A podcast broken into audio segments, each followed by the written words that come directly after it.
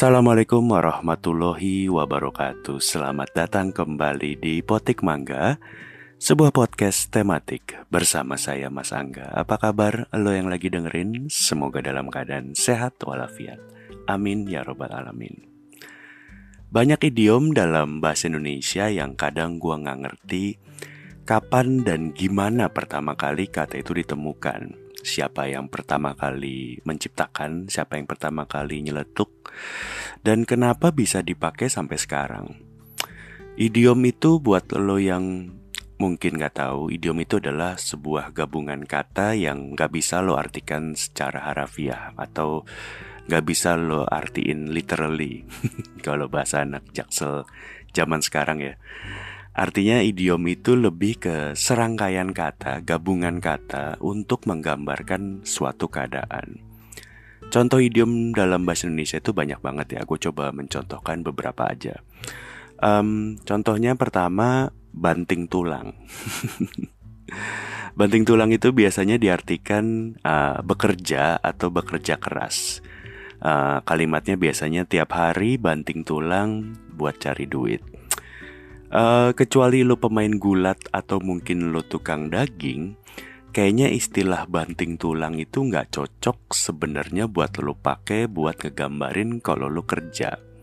Contoh lalu misalnya seorang apa, hmm, editor video misalnya, atau lo seorang desainer grafis, atau bahkan lo yang sekedar apa uh, bekerja di bidang yang bukan uh, apa olahraga gulat atau mungkin tukang daging, menurut gue banting tulang nggak cocok buat dipakai untuk menggambarkan kalau lo lagi kerja gitu. Maksud gue berapa tulang yang lo banting hari ini? Terus lo dibayar berapa per tulang yang lo banting?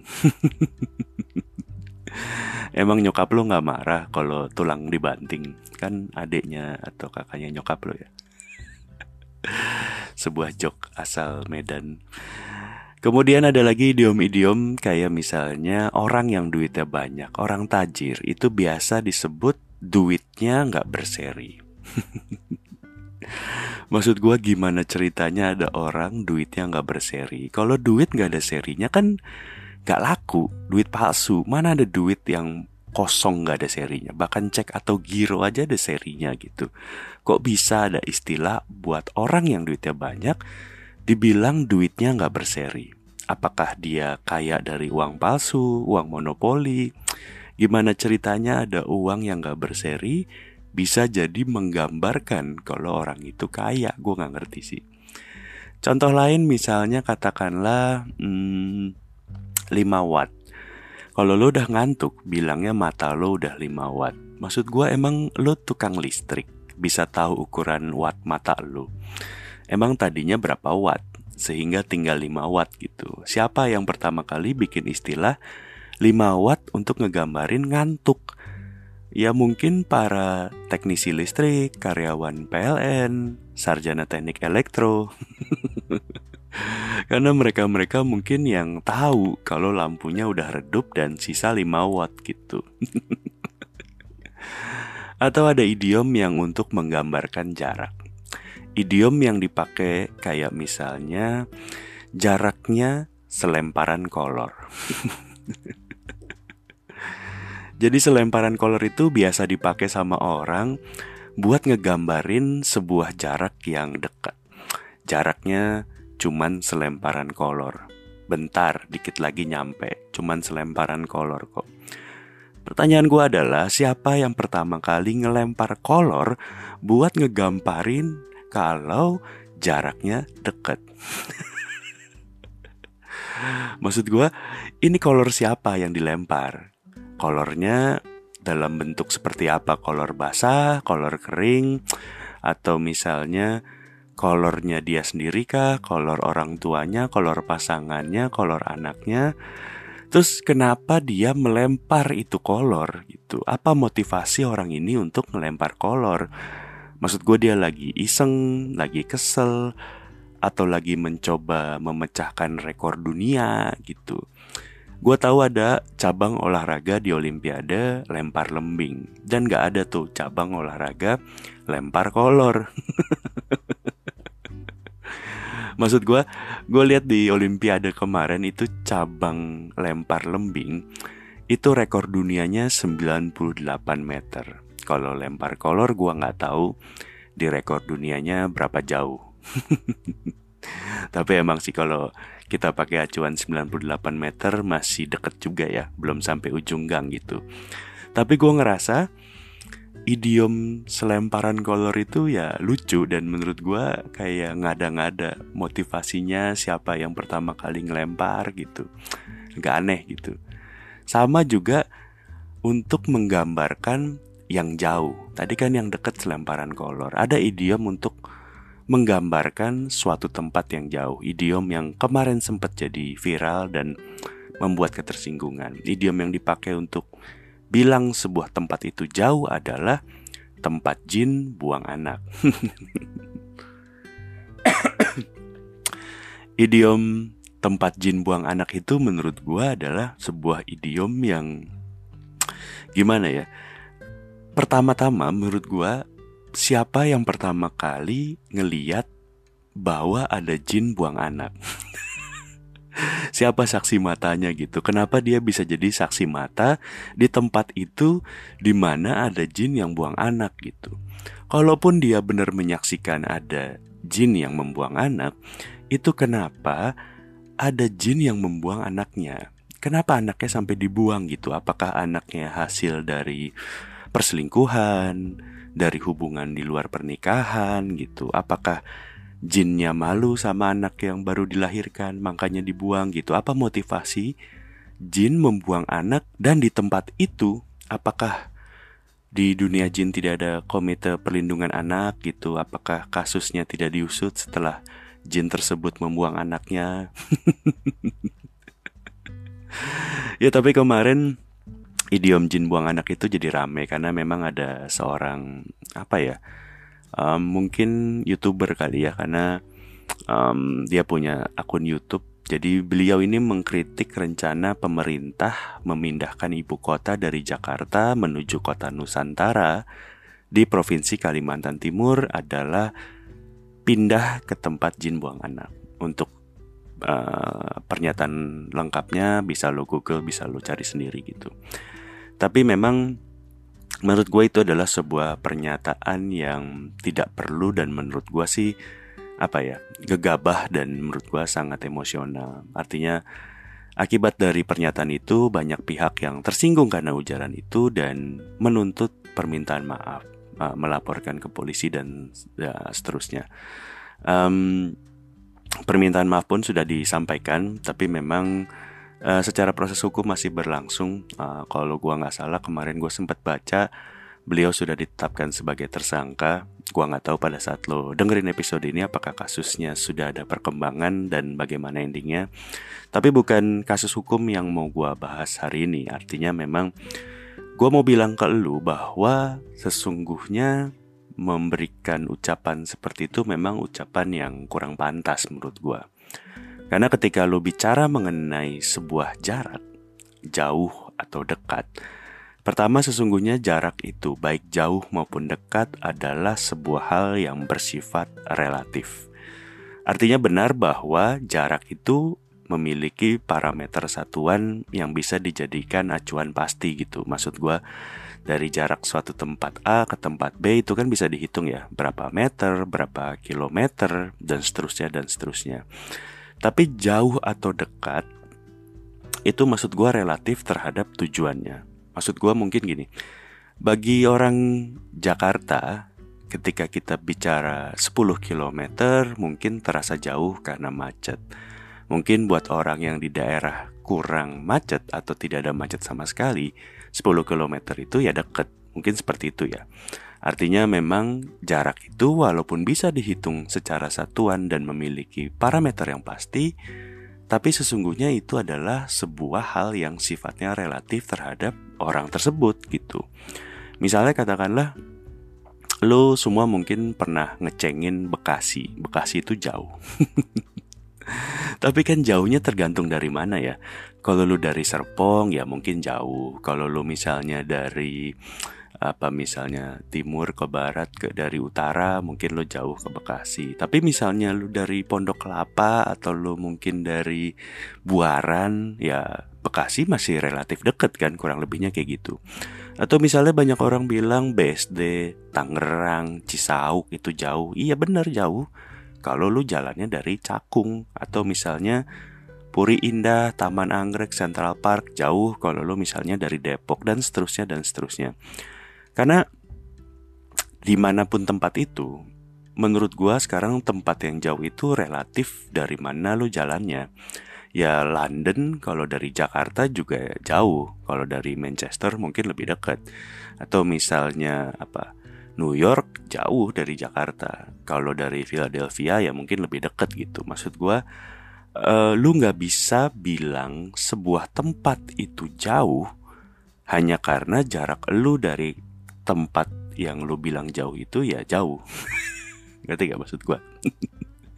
Artinya ketika lo bilang sebuah tempat itu jauh Menurut gue itu sebuah pernyataan yang sangat subjektif dan self-center gitu Terus kalau lo pakai istilah jin buang anak itu buat bilang sebuah tempat itu sepi dan gak ada peradaban, masih kosong, tidak berpenghuni, ya menurut gue hampir semua tempat yang sekarang rame di seluruh dunia di seluruh muka bumi ini dulunya ya tempat sepi.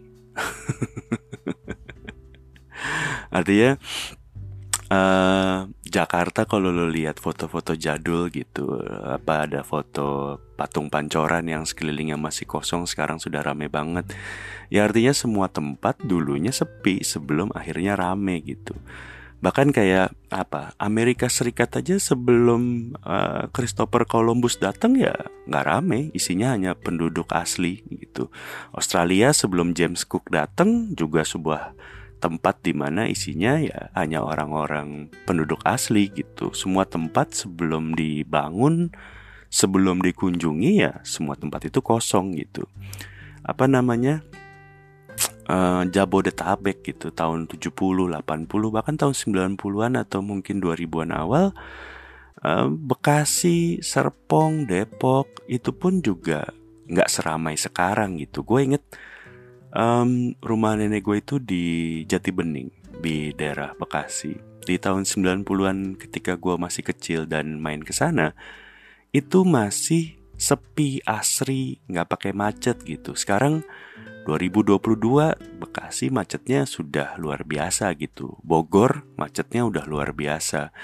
Uh, gua nggak tahu apakah ada sebuah tempat di Jabodetabek yang mungkin nggak macet sama sekali gitu. Menurut gua ya sekarang Jabodetabek udah jadi salah satu tempat paling padat penduduk di Indonesia. Menurut gua sih kayak gitu. Atau misalnya um, misalnya para developer deh, para pengembang. Kayak misalnya Pak Sumarekon, Sinarmas, Agung Sedayu, Agung Podomoro Ya pada dulunya sebelum akhirnya jadi tempat yang seperti sekarang lo tahu Mereka dulu ngebeli lahan kosong Lahan yang tidak ada penduduknya gitu. Coba lo lihat misalnya Serpong atau BSD Dulu mungkin gak ada isinya. Sekarang kalau lo ke Gading Serpong atau ke BSD Menurut gue udah jadi sebuah lahan mahal yang diminatin sama orang-orang gitu hampir semua lahan kosong yang sekarang sudah jadi dan sudah dibangun, ya tadinya nggak ada apa-apa gitu. Sebelum akhirnya tempat-tempat itu dibuat keramaian. Karena pada akhirnya, buat gua kayaknya bukan kita yang mendekat ke tempat yang ramai, tapi keramaian yang mendekat ke perumahan kita gitu. Misalnya kayak orang-orang yang di pinggiran Jakarta gitu ya, di Bodetabek gitu uh, orang Bekasi atau orang Tangerang, orang Serpong, orang Depok gitu. Sekarang udah nggak perlu ke Jakarta untuk ke mall gitu. Di Bekasi ya udah ada mall-mall yang mungkin sama atau bahkan lebih bagus dari mall di Jakarta. Di Serpong pun demikian. Serpong itu ada Sumarekon Mall Serpong, ada Ion, ada Living World, ada The Breeze, lain-lain. Lo nggak perlu datang ke Jakarta gitu. Alias lu nggak perlu lagi buat ke mall, buat ke tempat-tempat keramaian. Lu nggak perlu ke Pondok Indah Mall, lu nggak perlu ke Sensi, Lu nggak perlu ke Kokas, hampir semua tenan mall yang ada di Jakarta ya ada di Serpong, ada di Bekasi gitu, kurang lebihnya kayak gitu. Atau mungkin lu mikir nggak semua orang rumahnya deket mall, pastinya. Paling gampangnya adalah um, keramaian yang mendekat ke rumah lu itu contoh paling gampangnya adalah Alfamart Indomat. Syukur-syukur kalau dekat rumah lo ada Alfamidi ya. Karena indikator sebuah tempat itu biasanya ada ada minimarket, ada ATM BCA, ada pom bensin, apalagi ada pom bensin yang Shell. Nah, itu tempat udah maju, udah terbangun, udah relatif mahal tempatnya. Kurang lebihnya kayak gitu. Sekarang coba lo hitung, kalau jarak dari rumah elu nggak sampai satu kilometer ke minimarket. Mau Alfamart, mau Indomaret, Alfamidi apa pun itu. Lo udah bisa bilang kalau tempat lo itu deket sama keramaian. Atau gini deh lo coba sekarang buka uh, aplikasi ojek online Gojek atau GrabFood terserah lo lo buka Gojek lo buka GoFood gitu ya coba lo cek paling nggak jarak 3 sampai 5 kilometer kalau lo udah ketemu tenan-tenan kayak misalnya McD, kopi kenangan, hokben, geprek bensu. Paling gak rumah lo itu harusnya udah daerah yang bagus dan modern. Coba lo cek kayak gitulah. Makanya uh, ketika balik ke topik pemerintah memutuskan untuk memindahkan ibu kota dari Jakarta ke Provinsi Kalimantan Timur di kota Nusantara, pasti tentunya sudah lewat sebuah proses pemikiran yang matang. Dan pemilihan lokasi Nusantara di Provinsi Kalimantan Timur tentunya nggak salah-salahan gue yakin. Kalaupun pada saat lu mendengarkan episode ini, pada saat hari ini lokasi itu masih belum apa-apa, belum ada apa-apa, belum jadi apa-apa ya sabar aja. Kan emang belum dibangun, belum pindahan, belum jadi. Artinya setiap pembangunan itu pastinya butuh proses. Artinya um, Sumarekon Mall Bekasi, Sumarekon Mall Serpong juga nggak ada dari tahun 80-an. Sumarekon Mall Bekasi baru ada tahun 2013 kalau gua nggak salah. Itu juga kalau nggak ada flyover kayaknya mungkin kemajuannya nggak akan sepesat sekarang ya. Artinya maksud gua gini. Uh, ketika Nusantara itu mungkin baru akan dibuat tahun 2024 atau tahun berapa itu gue lupa lah persisnya kapan gitu. Artinya butuh waktu sampai jadi secara keseluruhan pindah semua settle dan berkembang gitu. Berapa lama waktunya ya gue nggak tahu. Artinya memang setiap tempat punya durasi masing-masing. Maksud gue apa ya pemindahan ibu kota dari Jakarta ke Nusantara itu kan menurut gue adalah salah satu bagian dari usaha pemerintah untuk bikin Indonesia ini ada sebuah pemerataan pembangunan dari ujung ke ujung gitu. Masa iya sih lu mau selamanya Indonesia cuman Jawa doang gitu, bahkan cuman Jakarta doang. Cuman Jakarta doang gitu yang bagus. Harusnya kan dari ujung ke ujung bagus semua ya. Artinya setidaknya kalaupun tidak sama persis seperti Jakarta, setidaknya Indonesia bisa ada pemerataan yang paling gak nggak jauh banget lah timpangnya gitu. Ya mungkin buat orang yang tadi bilang daerah lain itu adalah tempat jin buang anak, mungkin dia terlalu berpikir Jakarta sentris. Artinya mungkin dia nggak pengen daerah lain bisa berkembang. Ya tipikal orang yang mungkin mau menang sendiri gitu. Susah ngelihat orang lain senang dan senang ngelihat orang lain susah. Orang-orang yang kalau tetangganya beli mobil baru dia sirik pengennya dia doang yang punya mobil.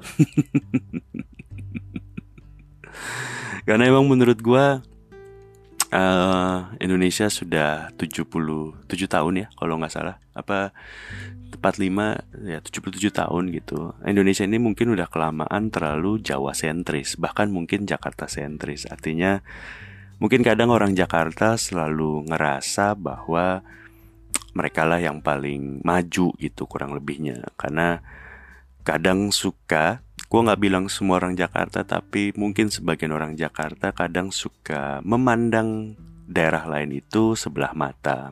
Artinya daerah lain tuh sebenarnya juga bisa maju bisa pinter bisa kaya gitu. Jadinya ya menurut gue sih gue nggak ada masalah dengan pemindahan ibu kota ke Nusantara. Menurut gue seperti itu. Kalau memang nantinya pastinya at the end of the day akan membawa Indonesia ke arah yang lebih baik. Why not gitu? Um, dulu gue juga pada saat gue kecil ya, mungkin sampai gue SMP atau mungkin SMA gitu ya, gue mikir kayak Jakarta itu pusat dunianya itu Blok M. Jadi maksud gue gini, kenapa gue bilang Blok M itu sebagai pusatnya Jakarta? Karena gue mikir dulu kalau gue nyasar ya, uh, itu gue tinggal ke terminal Blok M dan di terminal Blok M itu ada semua bis ke jurusan mana pun. Mungkin karena gue uh, tumbuh dan besar di selatan ya, kurang lebihnya gitu. Tapi sekarang Jakarta itu um, pusat pergaulan, pusat tongkrongan itu ya udah banyak banget gitu. Bahkan kayak gak usah kita bicara Jakarta bagian lain ya kayak Jakarta Timur, Jakarta Utara, Jakarta Barat, Jakarta Pusat. Di Jakarta Selatan aja sendiri udah banyak banget tempat nongkrong gitu, nggak cuman Blok M, nggak cuman Kemang, sekarang Senopati maju banget, Panglima Polim, Cipete, Fatmawati, Pondok Indah, Blok S, Kuningan, Tebet, Simatupang, itu udah banyak banget itu baru Jakarta Selatan gitu. Artinya memang keramaian yang akan mendatangin lo gitu. Perkembangan sebuah tempat itu memang tinggal tunggu waktu. Artinya uh, Nusantara sebagai ibu kota negara yang baru nantinya mungkin sekarang baru tanah kosong belum dibangun tapi ya nanti pasti Nusantara akan jadi sebuah tempat sebuah tempat yang berkembang sebuah tempat yang maju sebuah tempat yang jadi simbolis ibu kota negara Indonesia gitu artinya ini cuma butuh waktu ya dari tempat yang kosong jadi tempat yang berkembang gitu. Artinya kalau tadi gue sempat mention developer-developer kayak Sumarekon, kayak Sinarmas, Agung Sedayo, Agung Podomoro, dia bisa bikin sebuah lokasi yang dari kosong sampai rame aja, nggak butuh waktu, apalagi ibu kota negara gitu. Ya kalau ditanya gitu, gue mau nggak tinggal di Nusantara ya, gue sih mau mau aja. tentunya kalau ada apa kerjaan ada duitnya ya kenapa enggak? Mau mau aja gitu. Artinya ya uh, semoga sih akan ada pemerataan-pemerataan di tempat lain. Jadi maksud gua nggak cuma nanti misalnya kenapa enggak ibu kota ibu kota provinsi juga dikembangkan di tempat baru sehingga ada pemisahan antara ibu kota pemerintahan dengan ibu kota bisnis atau uh, apa hiburan gitu misalnya. Artinya misalnya kalau Jawa Timur terlalu padat di Surabaya, pemerintahannya mungkin bisa ke tempat lain. Atau misalnya Jawa Barat, Bandung terlalu penuh, bisa pindah ke tempat lain di Jawa Barat. Artinya kenapa enggak ya diratakan apa namanya daerah-daerahnya supaya memang perkembangannya bisa lebih baik. Um, balik ke idiom sebagai awalnya gua ngomongin idiom di awal bahwa idiom itu adalah bagian dari bahasa Indonesia di mana ada serangkaian kata yang tidak bisa diartikan secara literally untuk menggambarkan sebuah keadaan gitu. Tapi ya memang menurut gua ada baiknya penggunaan idiom itu disesuaikan dengan situasi dan kondisi. Jangan sampai ada ketersinggungan apalagi kemarahan akibat idiom yang tadi lo ucapkan. Tapi sekali lagi gue masih mempertanyakan itu jin buang anak gimana ceritanya ya? Kenapa anaknya dibuang gue masih nggak habis pikir sih. ya udah itu aja. Uh, terima kasih sudah mendengarkan Potik Mangga. Sampai jumpa di episode lain dari Potik Mangga. Assalamualaikum warahmatullahi wabarakatuh.